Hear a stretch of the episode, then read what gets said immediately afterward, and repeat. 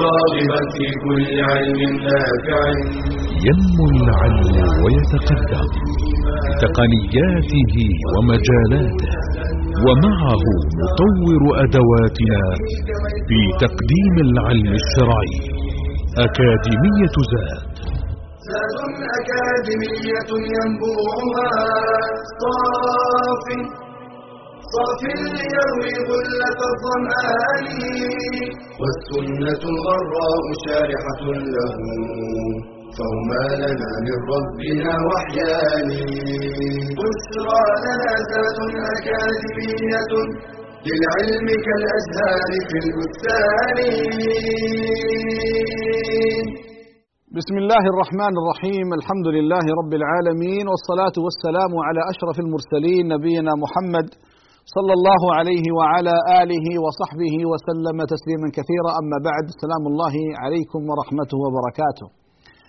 حياكم الله وبياكم في قناة أكاديمية زاد. أيها الأحبة الأفاضل ما زلنا مع مادة الحديث وهذا الحديث قبل الأخير الحديث العشرين وهو من رواية عبد الله بن مسعود رضي الله عنه وأرضاه. يقول رضي الله عنه وأرضاه خط لنا رسول الله صلى الله عليه وسلم خطا. خط مستقيم. ثم قال هذا سبيل الله. سبيل الله. ثم خط عن يمينه وعن شماله خطوط صغيرة. أرجو أن أتخيل المنظر الآن. خط مستقيم ثم خطوط في اليمنة وفي اليسرة عن يمينه وعن شماله. ثم قال هذه سبل الصغار هذه اللي على اليمين على اليسار متفرقة. سبل متفرقة. على كل سبيل منها شيطان يدعو إليه. شيطان يدعو إليه.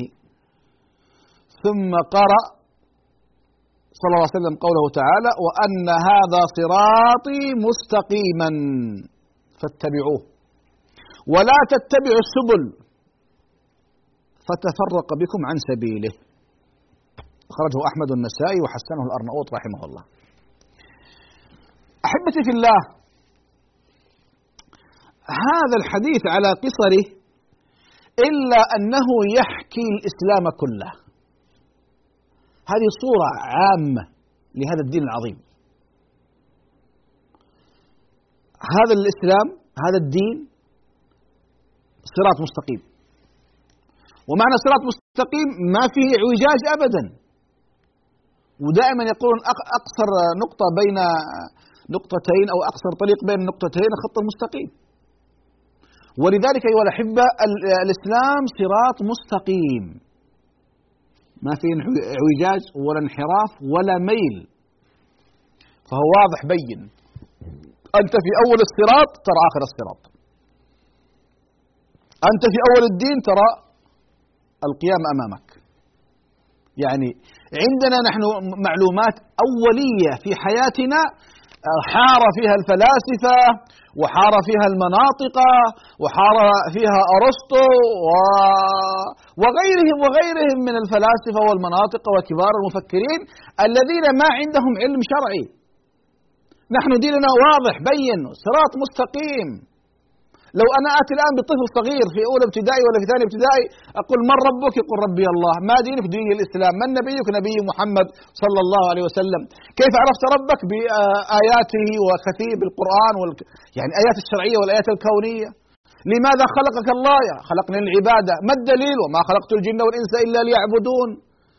بعد الحياة موت ثم الجنة أو النار والعياذ بالله. إذا عندنا نحن خارطة واضحة. هذا هو الصراط المستقيم. هذا هو الصراط المستقيم أيها الأحبة. أن ديننا واضح بين.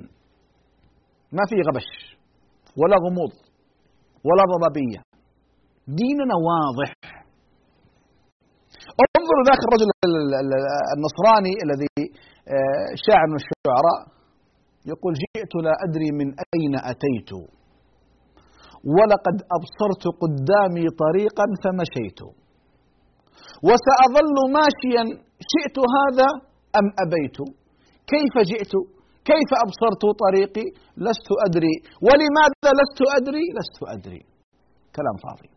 ضياع بكل ما تعنيه الكلمة. أما نحن كمسلمين فلا. نحن نعرف ونعلم كيف جئنا وأين سنذهب. ومعنا خطة واضحة جدا. خطة واضحة. منذ أن نولد إلى أن نلقى الله عز وجل وما بعد الموت. حياة الدنيا طريق واضح. العبادة. الإخلاص والمتابعة. إقامة الدين. إقامة الشريعة. طيب بعد الموت عندنا الحياة البرزخية. حياة القبور. بعد الحياة البرزخية عندنا الحياة الآخرة. وعندنا تفصيل أيضا. البعث والنشور والجمع والحساب ودنو الشمس والصراط والقنطرة والميزان قبل ذلك. يعني عندنا خطة تفصيلية منذ أن يولد الإنسان إلى أن يلقى الله عز وجل على صراط مستقيم. واضح بين ما فيه غموض ولا فيه انحراف أبدا. وبالمناسبة ديننا ولله الحمد دين بين واضح. يعني أقل واحد في الإسلام وأكبر واحد في الإسلام يعرف الدين كاملا. يعني ما عندنا قداسة لأحد. ما عندنا غموض معلومات لفئة دون فئة. لا لا لا. الدين مبثوث للجميع. وكل إنسان يستطيع إذا استعان بالله وأخذ الطريق على أصوله يصبح عالم الأمة. عالم الأمة. ليش؟ لأنه ما عندنا كهنوت. ما عندنا طقوس مثل ما عند غيرنا طقوس في النسب ولا في الدم ولا في الجنس لا. أهل السنة والجماعة طقوسهم الكتاب والسنة. فأقل واحد في الأمة أنت أنظر إلى تاريخ المسلمين. تجد أن معظم علماء الرعيل الأول كلهم من الموالي. من الموالي. لما تسأل عن حسن البصري من الموالي. ابن المبارك من الموالي. أبو حنيفة من الموالي. فتجد تجد ليش؟ لأنه الدين يا إخواني ما ما يختص بجنس أو لون أو دم أو نسب. لا لا. إن أكرمكم عند الله أتقاكم. أتقاكم. ولذلك هنا عظمة هذا الدين. ابدا. أبو بكر سيدنا وأعتق سيدنا بلال رضي الله عنهم أجمعين. هكذا يقول عمر الفاروق رضي الله عنه وأرضاه. سلمان الفارسي. وإن كانت هناك الرواية لا تصح سلمان منا آل البيت لكنه منا فعلا. ونتقرب إلى الله بحبه. صهيب الرومي بلال الحبشي.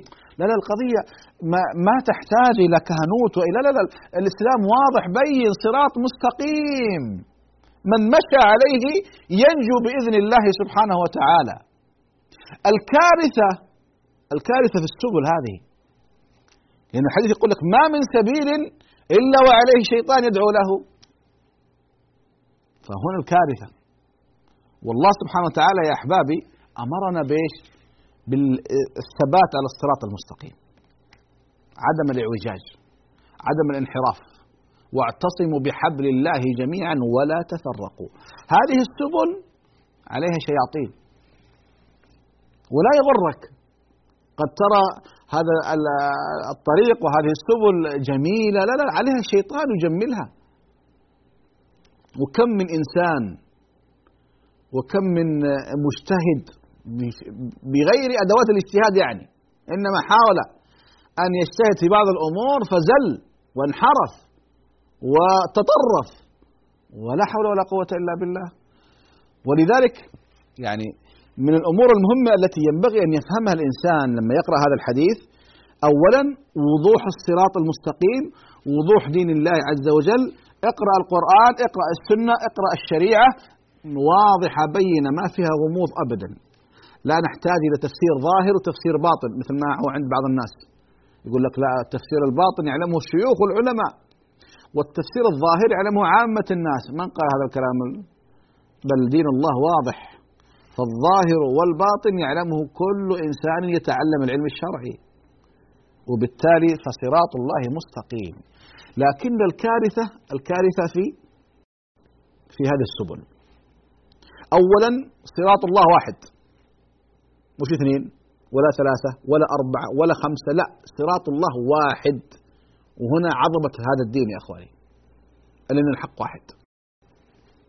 كما أن الله واحد سبحانه والقرآن واحد والدين واحد والشريعة واحدة. ولذلك هذا من فضل الله على هذه الأمة أن الله أنعم علينا بهذا الخير بهذه الشريعة السمحة الواضحة البينة التي يعرفها كل إنسان. ما, ما, ما, ما فيها غموض. إنما هي بينة واضحة. فصراط الله واحد.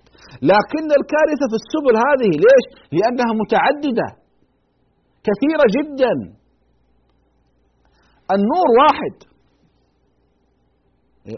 الله ولي الذين آمنوا يخرجهم من الظلمات إلى النور. فالظلمات كثيرة. سبل. سبل. لكن النور واحد. الله ولي الذين آمنوا يخرجهم من الظلمات ظلمات جمع إلى النور واحد. والذين كفروا أولياءهم الطاغوت يخرجونهم من النور واحد إلى الظلمات. آه. انتبه. فالمسلم أيها الأحبة ينبغي أن ينتبه لنفسه فإن دين الله واضح بين. ما في غموض واحد. وبين القرآن واضح. السنة واضحة. الدين واضح. لكن الكارثة في السبل هذه ليش؟ لأن كل سبل أو كل واحد عليه شيطان يدعو له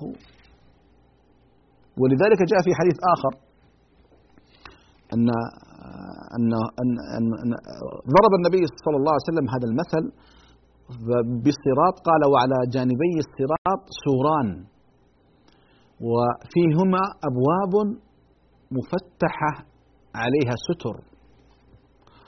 وداع يقول في أول الصراط يا أيها الناس ادخلوا الصراط ولا تعوجوا. وداع من أعلى الصراط فإذا أراد أحد أن يفتح هذا الستر يصيح فيه يقول ويحك لا تفتحه فإنك إن تفتحه تلج. فقال الصراط الإسلام والسوران محارم الله. والداعي الذي في أول في أول الصراط القرآن.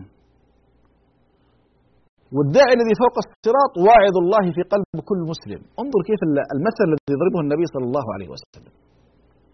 إذا هذان السوران فيها أبواب. هذه الأبواب هي السبل. الداعي الذي فوق يقول لك ويحك لا تفتحه فإنك إن تفتحه تلجه بمعنى أن المسلم أيها الأحبة ينبغي أن يضع عينه على هذا الصراط. على الكتاب والسنة. ما يلتفت لا يمين ولا يسار.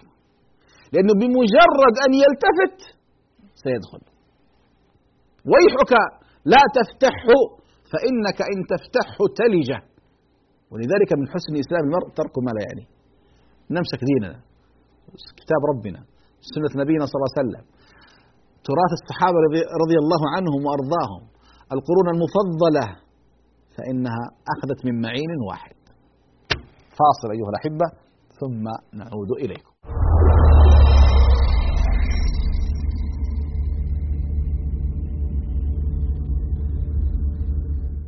كلمات قصيرة تحمل بين طياتها تنبيها وتحذيرا خطيرا. وتوجه حواسنا ومداركنا إلى دورنا الحقيقي الذي سنحاسب عليه. كلكم راع وكلكم مسؤول عن رعيته.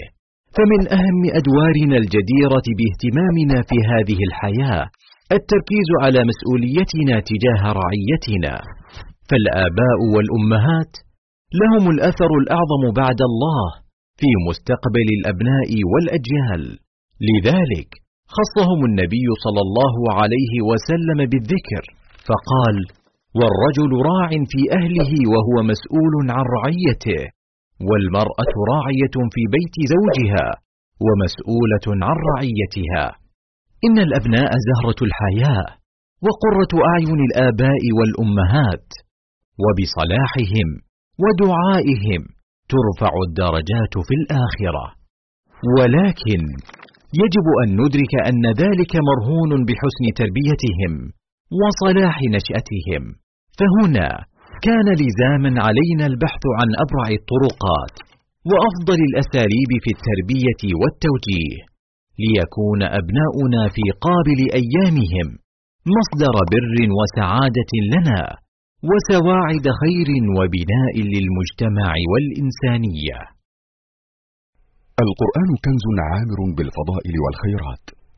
وللوصول إلى فوائد هذا الكنز لا بد من استعمال مفاتيحه وهي آداب تلاوة القرآن. فمنها إخلاص النية لله تعالى. فقد أخبر النبي صلى الله عليه وسلم أن من أوائل من تسعر بهم النار يوم القيامة قارئ للقرآن. يقال له قرأت القرآن ليقال هو قارئ. ومنها التسوك والتطهر من الحدث الأصغر واستقبال القبلة. وعند البدء بالتلاوة يستعيذ بالله من الشيطان. فإذا قرأت القرآن فاستعذ بالله من الشيطان الرجيم. ويرتل القرآن بتمهل وتبيين للحروف. وكان ابن عباس يقول لأن أقرأ سورة أرتلها أحب إلي من أن أقرأ القرآن كله. ويستحب تحسين الصوت بالقرآن. قال النبي صلى الله عليه وسلم زينوا القرآن بأصواتكم. وإذا مر بآية رحمة أن يسأل الله تعالى من فضله وإذا مر بآية عذاب أن يستعيذ بالله من العذاب. ويستحب الاجتماع على تلاوة القرآن وتدبره وتدارسه. فقد قال صلى الله عليه وسلم ما اجتمع قوم في بيت من بيوت الله يتلون كتاب الله ويتدارسونه بينهم إلا نزلت عليهم السكينة وغشيتهم الرحمة وحفتهم الملائكة وذكرهم الله في من عنده.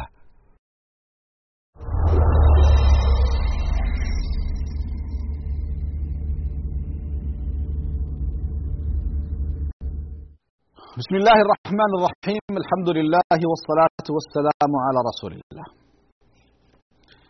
آه نقرأ سريعا فقط أيها الأحبة معاني الكلمات كنا قد يعني تكلمنا عنها في في فيما سبق. خط لنا خطا الرسول صلى الله عليه وسلم أي تقريبا وتفهيما لنا وهذا من قبيل تصوير الأمور المعنوية في صور المشاهد المحسوس لبيانها وأبرزها وإبرازها. هذا سبيل الله أي هذا هو الدين القويم والطريق المستقيم وهما الاعتقاد الحق والعمل الصالح على منهج أهل السنة والجماعة. ثم خط خطوطا إشارة إلى القصد بين الإفراد والتفريط لأن سبيل أهل البدع مائل عن الحق. الصراط هو الطريق هو دين الإسلام المستقيم أي مستويا قويما لا اعوجاج فيه. طيب. آه الاختلاف سنة سنة كونية. لكن الكلام هنا أيها الأحبة يا ترى هو عن الاختلاف في الفقه ولا الاختلاف في العقائد؟ الكلام هنا عن التحذير من الاختلاف في العقائد ليس في الفقه. لأن الفقه له مسائل كثيرة وأدلة كثيرة واجتهادات كثيرة ويجوز فيه ما لا يجوز في غيره. عندنا المذاهب الأربعة مذهب الإمام مالك وأحمد والشافعي وأبو حنيفة وعندنا كذلك مذاهب أخرى الأوزاعي وغيرهم وغيرهم. أقوال. بعض الأوقات في المسألة عدة أقوال عشرة أقوال. طيب. فالمقصود هنا في هذا الحديث أيها الأحبة ليس الاختلاف في الفقه. فالفقه الاختلاف فيه مسوغ. يسوغ الاختلاف الاختلاف في الفقه. لكن الكلمة الاختلاف في العقائد في الدين في ذات الدين في الصراط نفسه. لا ما لا القضية الدين واضح يا إخواني. ولذلك هنا الأهمية التي ينبغي أن نبرزها قضية الخلاف في العقائد هو الكارثة. صدقوني ما استحلت دماء كثير من الناس ولا أموالهم ولا أعراضهم إلا بهذا الخلاف. مع الأسف لما نسمع أو نقرأ عن بعض من ينتسب للإسلام ويقتل المسلم يستبيح دمه. ويستبيح عرضه ويستبيح ماله. بل الخوارج لما ثاروا على علي رضي الله عنه وأرضاه في صدر الإسلام يعني أنت كيف تقاتل آه، طلحة والزبير وما تأخذ الأموال ولا تسبي النساء؟ كارثة. طيب يعني القتال بين المسلمين يعني يسوغ. كيف يسوغ؟ يعني يمكن أن يحدث. أنا ما أقول أنه يعني جائز لا مو جائز. لكن يمكن أن أن يحدث وإن طائفتان من المؤمنين اقتتلوا فأصلحوا بينهما. فإذا يمكن أن يحدث. لكن استباحة أعراض المسلمات ما من قال بهذا؟ من قال بهذا؟ ولذلك هنا الخلاف أيها الأحبة في الجهل. ذلك الخوارج لما ثاروا على علي قال يعني ابن عباس يعني قال لهم يعني أين عقولكم؟ طيب إذا كان أردتم تقسيم النساء. طيب عائشة رضي الله عنها وأرضاها أمنا أم المؤمنين. في سهم من؟ من سيأخذها؟ فكأنهم انتبهوا هم أم في غفلة. لكن في هذا العصر مع الأسف اختلط الحابل بالنابل. وسمعنا وقرأنا وشاهدنا مع الأسف من يعني يستبيح أعراض المسلمين وأموالهم ودماءهم. لا لا ويأتي يقول هذا من الدين يعني. يظن أن هذا من الدين. من قال هذا الكلام؟ على كل. هنا الكارثة. فكلام النبي صلى الله عليه وسلم هنا قضية إيش؟ الاستقامة على دين الله وعلى على العقيدة السليمة. فالفرقة كارثة. والاختلاف كارثة. والإسلام ونصوص الإسلام كلها جاءت إلى الاجتماع عدم التفرق. إن يد الله مع الجماعة ومن شد شد في النار. أحبتي في الله الرسول صلى الله عليه وسلم لما لما لما لما خط الخط وضع خطوط هنا وخطوط هنا. طيب هذه الخطوط أيها الأحبة شيء على اليمين وشيء على اليسار. ومن هذا أيضا نستفيد أن هناك غلو في الدين وجفاء في الدين. كثير من الذين يتكلمون في قضية الغلو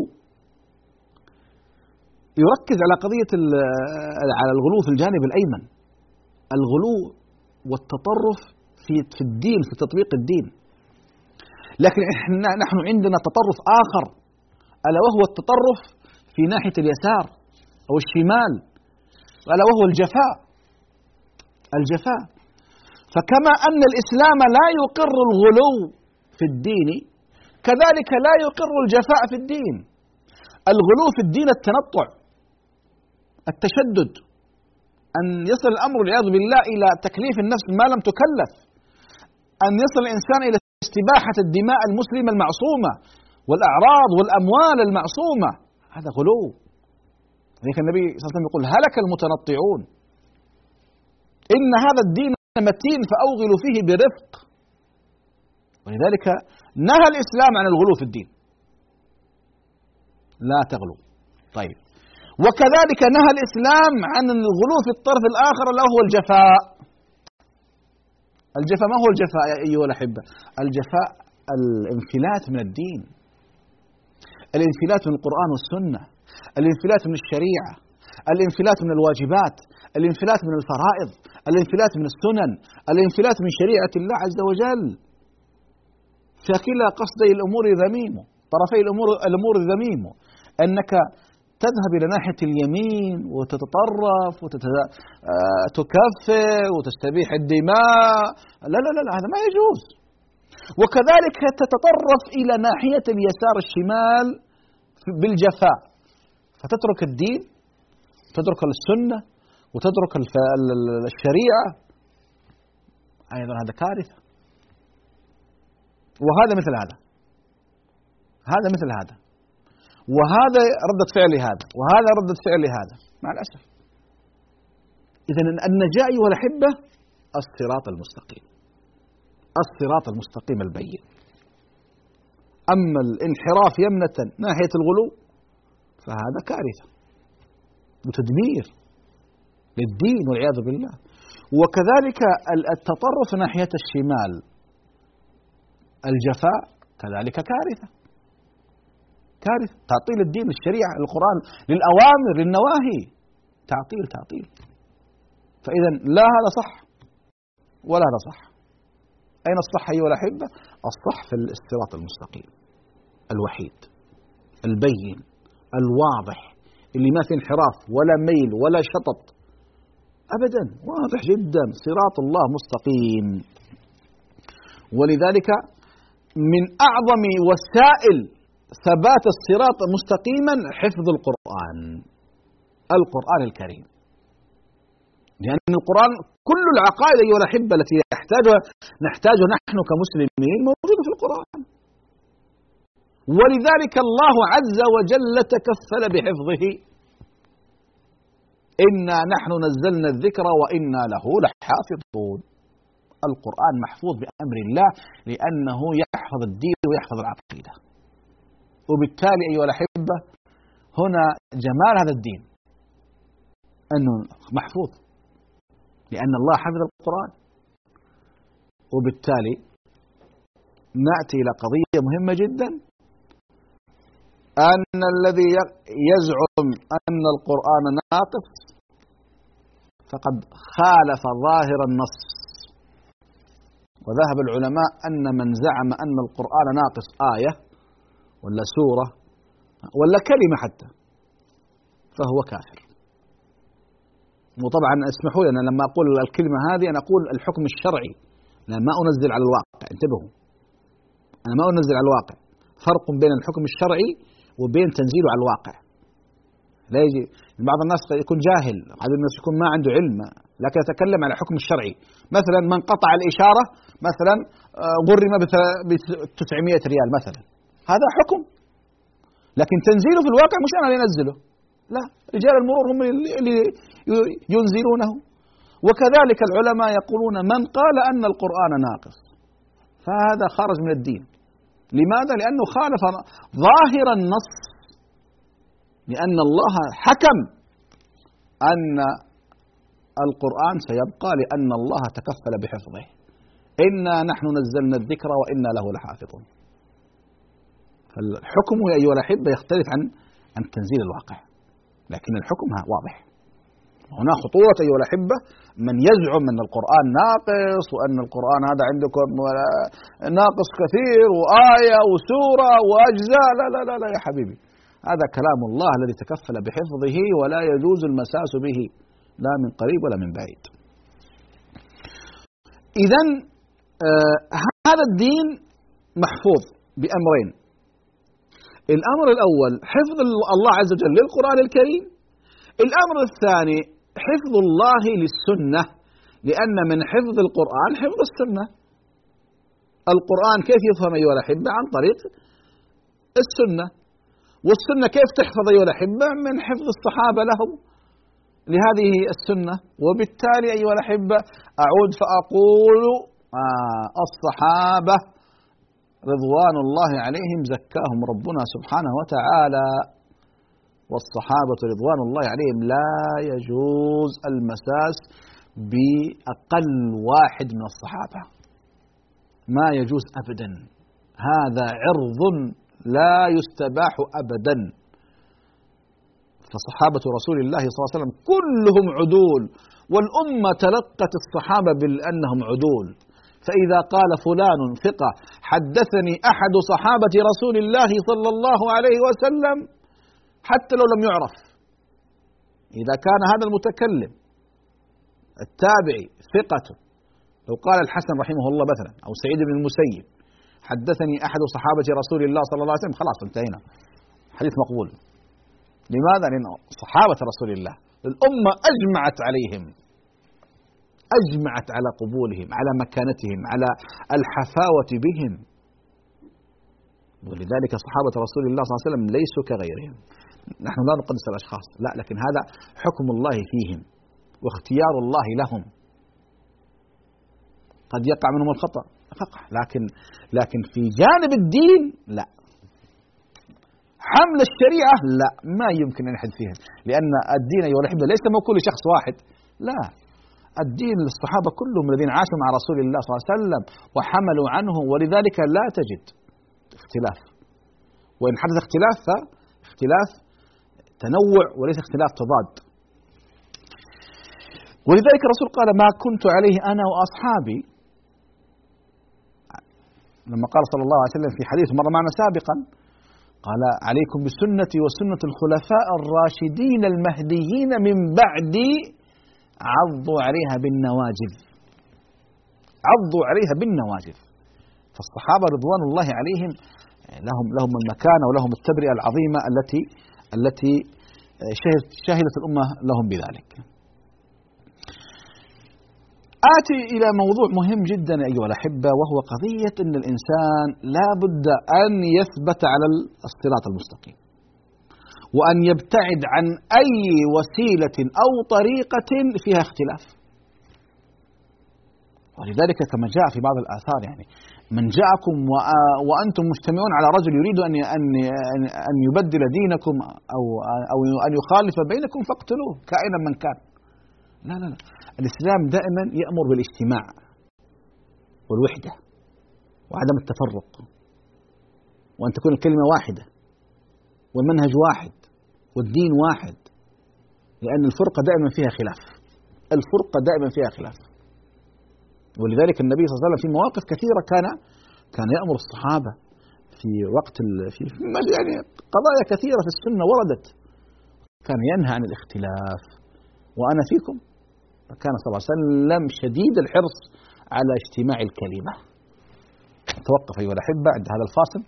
ثم نعود إليكم بإذن الله تعالى وصلى الله على محمد.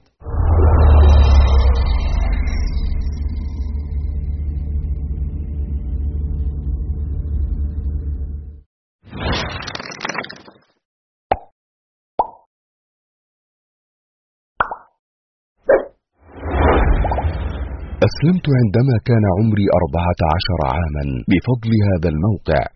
كنت في قمة الضلال. وبفضل الله أولا ثم بفضل موقعكم عدت إلى الله. نشكركم على هذا الموقع حيث نجد الإجابة فيه على معظم الأسئلة التي تدور في أذهاننا. تعليقات تحكي قصص هداية من واقع الحياة. موقع الإسلام سؤال وجواب بإشراف فضيلة الشيخ محمد صالح المنجد. جاء قريبا من الناس يستشعر نبض المجتمع ويعيش هموم الحياة. أكثر من أربعة وثمانين مليون زيارة سنويا. أكثر من سبعة ملايين زيارة شهريا. من أكثر من مئتي دولة. مع ترجمة الفتاوى لثلاث عشرة لغة. أكثر من ثلاثة ملايين متابع على صفحة الفيسبوك. لموقع الإسلام سؤال وجواب أسبقية في عالم الإنترنت وهو من أول من استخدم أحدث الوسائل التكنولوجية في الدعوة إلى الله مسايرة لروح العصر. وتتمثل رسالته التي ما فتئ يسعى لتحقيقها في نشر الإسلام في أرجاء الأرض. تصحيح صورة الدين الحنيف تعليم المسلمين أمور دينهم تصحيح العقيدة والعبادة. الرد على استفسارات المسلمين في كل مكان. اعتمادا على رصيد ضخم من أقوال السلف وتراث غني لأئمة المذاهب الفقهية المعتمدة وفتاوى كبار العلماء في القديم والحديث. فالحمد لله على نعمه. قل هذه سبيلي أدعو إلى الله. على بصيرة أنا ومن اتبعني. موقع الإسلام سؤال وجواب علم ودعوة وزاد لمن أناب.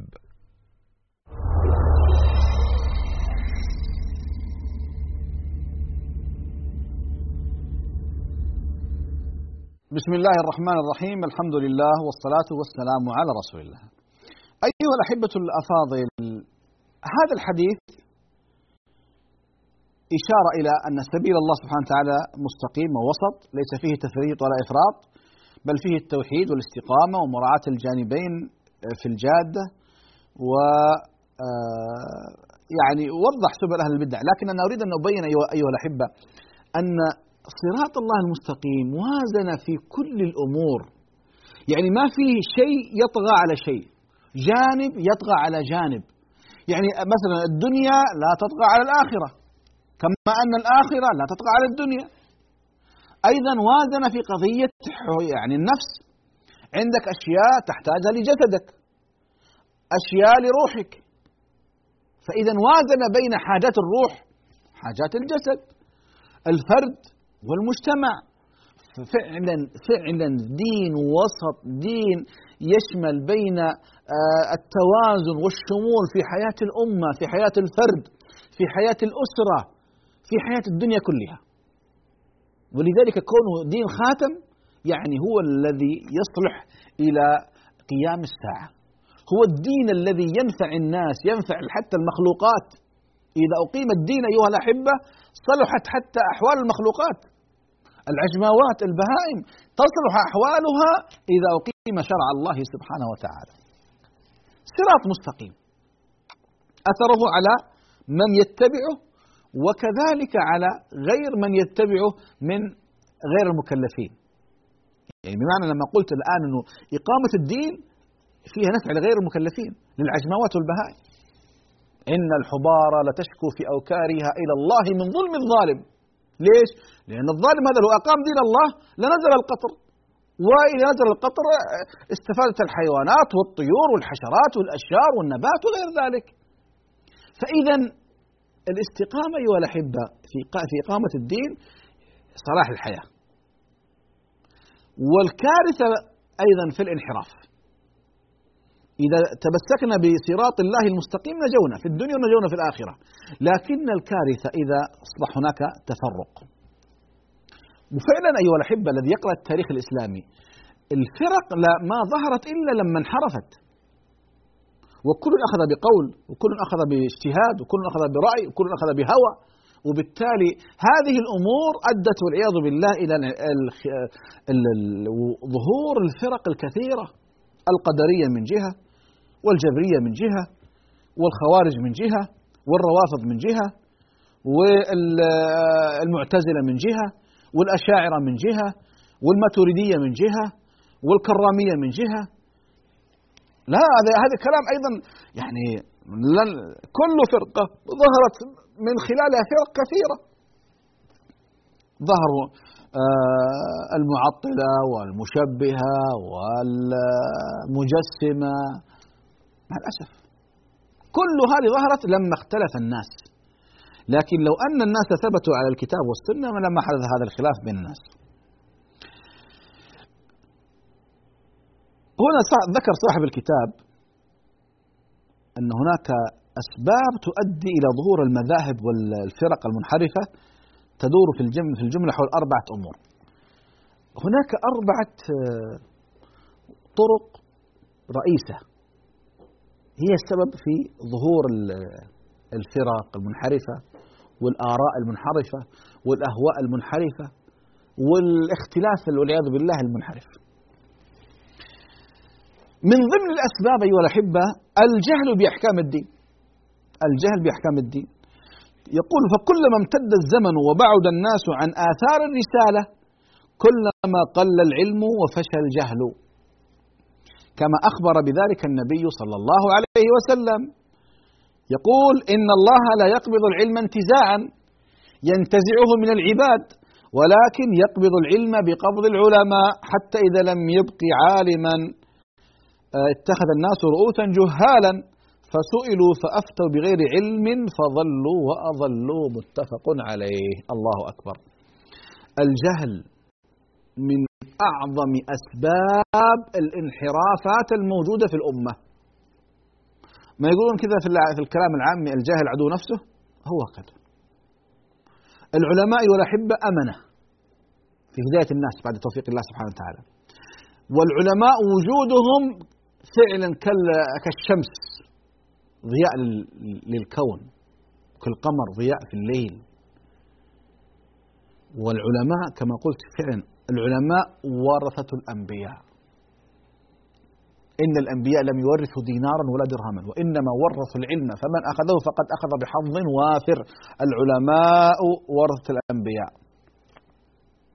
فضل العالم على العابد كفضل القمر ليلة البدر على سائر الكواكب. ولذلك أيها الأحبة لابد أن ننتبه لقيمة العلماء. إذا ذهب العلماء جاء السفهاء وجاء الجهلة. ورأينا والله أخواني في بعض المناظر وبعض المقاطع الجهل كيف يستبيحون دماء المسلمين المعصومة؟ الدماء المعصومة والأعراض المعصومة والأموال المعصومة تستباح والعياذ بالله باسم الدين. وهم بريئون من الدين. يا أخي يقول صلى الله عليه وسلم من اقتطع حق امرئ مسلم بغير وجه حق فقد حرم الله عليه الجنة ومأواه النار. قالوا يا رسول الله ولو كان شيئا يسيرا قال ولو كان قضيبا من أراك مسواك. فكيف الذي يستحل دماء المسلمين وأموالهم وأعراضهم ويفرق المسلمين؟ أين العقول بس؟ فإذا من أهم الأسباب التي تؤدي إلى الفرقة الجهل بأحكام الدين. ولذلك لما ذهب عبد الله بن عباس حبر الأمة وناقش الخوارج رجع بالثلث. ليلة واحدة رجع بالثلث. يوم جهله. طيب. السبب الثاني اتباع الهوى. وشوفوا يا أحبابي الله عز وجل ما سمى شيء في القرآن بإله إلا الهوى. أفرأيت من اتخذ إلهه هواه؟ فالهوى إذا تمكن من الإنسان أصبح إله. فإن لم يستجيبوا لك فاعلم أننا أنما يتبعون أهواءهم ومن أضل ممن اتبع هواه بغير هدى من الله. فالهوى كارثة. يقود الإنسان يصبح الإنسان يمشي كالأعمى. ما يقوده إلا هواه. ولذلك في حديث وإن كان فيه ضعف ها لا يؤمن أحدكم حتى يكون هواه تبعا لما جئت به. هواه تبعا لما جئت به فاتباع الهوى يا إخواني كارثة يعمي عن اتباع الحق واتباع الصراط المستقيم. السبب الثالث التعصب للآراء والرجال وهو يحول بين المرء وبين اتباع الدليل ومعرفة الحق.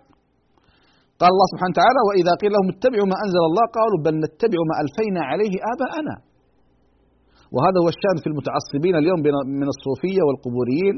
فإذا دعوا إلى اتباع الكتاب والسنة ونبذ ما هم عليه ممن مما يخالفهما احتجوا بمشائخهم وآبائهم وأجدادهم. كارثة يا أخي الدليل كذا. قال لا أنتم وهابية أنتم. أنتم تكرهون رسول الله أنتم تكرهون الموت تكرهون الأولياء. أي كلام فاضي هذا؟ من يكره رسول الله؟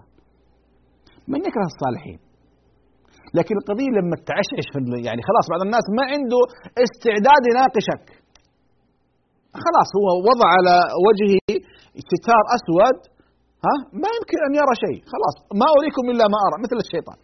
وما أهديكم الا سبيل الرشاد لا يا أخي الله عز وجل أعطاك عقل. ميز. ميز. أعطاك الله عقل تفهم تفرق بين الحق والباطل النور والظلام الخير والشر. يا أخي ميزنا الله بهذه العقول العظيمة. وما أتاكم الرسول فخذوه ما نهاكم عنه فانتهوا. لذلك من أكبر أسباب الفرقة أيها الأحبة والانحراف تقليد الآباء والأجداد والمشايخ لا يا أخي. نحن نعرف الرجال بالحق ولا نعرف الحق بالرجال. رجل قدامي أحكم عليه من خلال الحق الكتاب والسنة. لكن ما أعرف الحق من خلال الرجال لا. أي عقل سيكون الضابط؟ لا لكن لما تضع لك ضابط ميزان عدل ما يمكن أن ينحرف الكتاب والسنة خلاص. وقس حياتك وقس فكرك وقس أعمالك على كتاب الله وسنة رسول الله على فهم رسول الله والسلف الصالح. من كان على ما كنت عليه أنا وأصحابي هكذا يقول صلى الله عليه وسلم. فنحن في في أفكارنا قد يعني نميل نضل نغلو نجفو لكن لكن آه، مدرسة النبي صلى الله عليه وسلم لا. أبدا. الرسول صلى الله عليه وسلم قام على تربيتهم وأحسن تربيتهم. السبب الرابع التشبه بالكفار. التشبه بالكفار وهو من أشد ما يوقع في براثن تلك المذاهب المنحرفة كما في الصحيحين عن أبي سعيد رضي الله عنه أن النبي صلى الله عليه وسلم قال لتتبعن سنن من كان قبلكم شبرا بشبر وذراعا بذراع حتى لو سلكوا جحر ضب لسلكتموه. قلنا يا رسول الله اليهود النصارى قال فمن؟ من غيرهم يعني. الصحابة لما كانوا مع النبي صلى الله عليه وسلم فمروا على قوم لهم شجرة ينوطون بها أسلحتهم. فقالوا يا رسول الله اجعل لنا ذات أنواط. فالنبي صلى الله عليه وسلم يعني غضب. غضب. ثم قال هذا الكلام لتتبعن سنن من كان قبلكم. يعني يعني ورسول الله يعني بينكم لكن سبحان الله التشبه بالكفار. طب قوم موسى لما لما انقذهم الله من البحر مروا على قوم لهم صنم يا موسى اجعل لنا الها كما لهم آلهة. ف يعني فعلا هذا الجانب مهم جدا أن ننتبه له. وبالتالي شوف لو دخلوا جحر لو سلكوا جحر ضب لدخلتموه مثلهم. يعني التقليد مع أن الضب ما عندهم الضب فقط عندنا في الجزيرة العربية. لكن لو فعلوا فعلوا سنفعله مثلهم. وهذه يعني من الأمور التي حذر منها النبي صلى الله عليه وسلم. إذا أسباب الفرقة والاختلاف من أعظمها الجهل بأحكام الدين اتباع الهوى التعصب للآراء والرجال التشبه بالكفار هذه من أهم الأسباب التي من خلالها يقع الخلاف والفرقة والضلال ولا حول ولا قوة إلا بالله إلا بالله العلي العظيم. إذا أحبتي في الله ينبغي أن نحمد الله على أننا على الصراط المستقيم. ومما زادني شرفا وفخرا وكدت بأخمصي أطأ الثريا دخولي تحت قولك يا عبادي وأن صيرت لي أحمد نبيا. نعمة عظيمة أيها الأحبة أن الله جعلنا في خير أمة وعلى منهج أهل السنة والجماعة. هذه نعمة نحتاج أن نشكر الله عليها كثيرا. أننا لسنا متخبطين هنا أو هنا بل نحن بإذن الله على الصراط المستقيم على كتاب الله وسنة رسوله الكريم صلى الله عليه وسلم. ولذلك هذه نعمة لا بد أن نشكر الله عليها كثيرا. أسأل الله سبحانه وتعالى بأسمائه وصفاته أن يرزقنا جميعا علما نافعا ورزقا واسعا وشفاء من كل داء. اللهم اجعلنا ميسرين ولا تجعلنا معسرين. واجعلنا مبشرين ولا تجعلنا منفرين. واجعلنا مفاتيح خير مغاليق شر. اغفر لآبائنا وارحم أمهاتنا وأصلح نياتنا وذرياتنا. وصل اللهم على محمد وعلى آله وصحبه وسلم. والحمد لله رب العالمين. يا راغبا في كل علم نافع. متطلعا لزيادة الإيمان. وتريد سهلا النوال ميسرا. يأتيك ميسورا بأي مكان. زاد زاد أكاديمية ينبوعها. صاف صاف ليروي غلة الظمآن. والسنة الغراء شارحة له فهما لنا من ربنا وحيان. بشرى لنا ذات أكاديمية للعلم كالأزهار في البستان.